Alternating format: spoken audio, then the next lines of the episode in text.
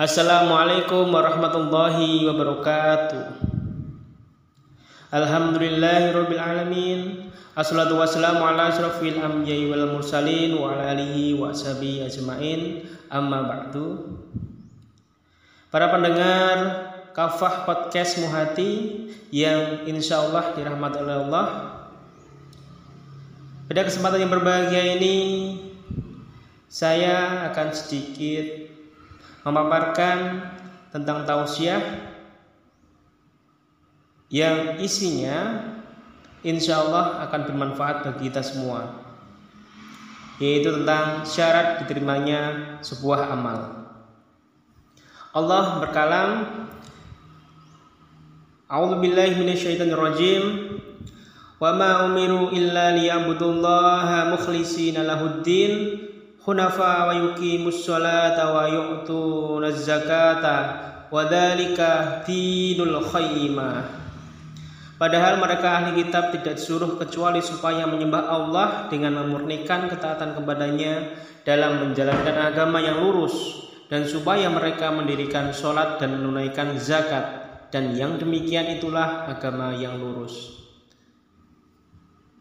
Quran Surat Al-Bayyinah ayat 5 Mendengar podcast Kafah Muhati yang dirahmati oleh Allah Ayat yang telah kita dengar tadi terdapat dalam Al-Quran juz 30 Tepatnya pada surah Al-Bayyinah ayat kelima.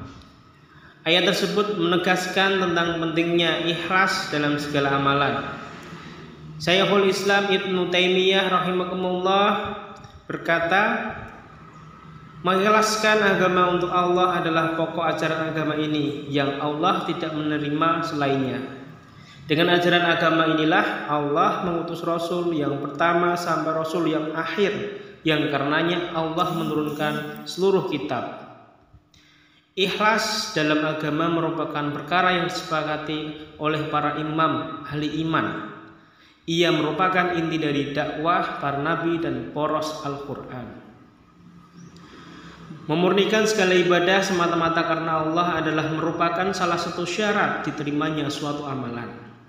Pemurnian ibadah tersebut terlihat dari niat seseorang ketika menjalankan sebuah ibadah, termasuk dalam makna ibadah, yaitu segala aktivitas yang dimaksudkan untuk mencari pahala di sisi Allah.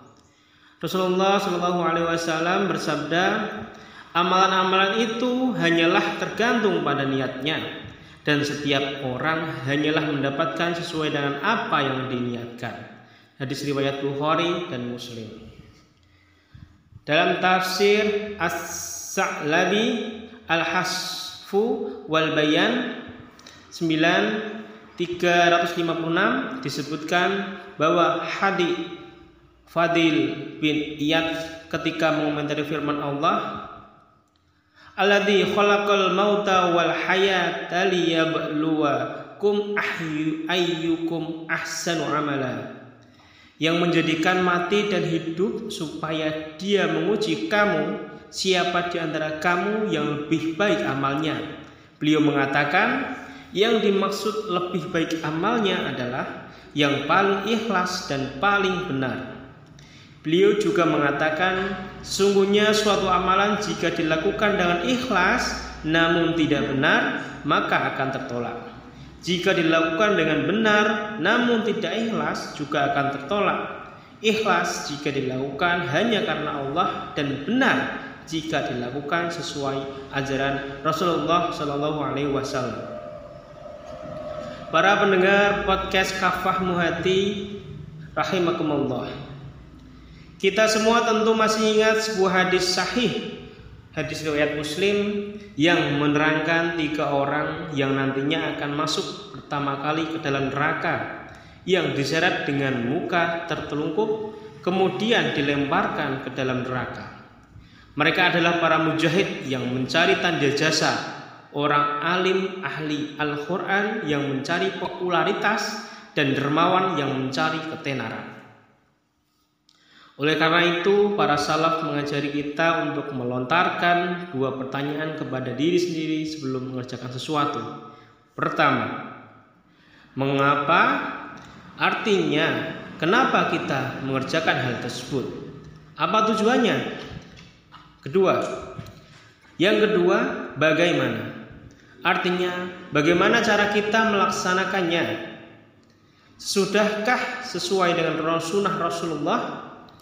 Dua pertanyaan inilah yang seharusnya selalu kita hadirkan dalam setiap pekerjaan kita sehingga ia tidak sia-sia.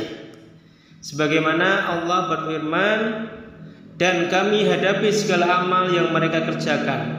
Lalu kami jadikan amal itu bagaikan debu yang berterbangan. Al-Furqan ayat 23. Di antara tanda-tanda orang yang tidak ikhlas menurut Imam Ali karmallahu wajahah adalah malas beramal ketika sendirian giat beramal ketika sedang banyak orang, dan terakhir menambah amalnya ketika dipuji dan menguranginya ketika dicela. Oleh karena itu, sudah seharusnya dalam beramal kita hanya mencari ridha Allah, bukan kepentingan duniawi.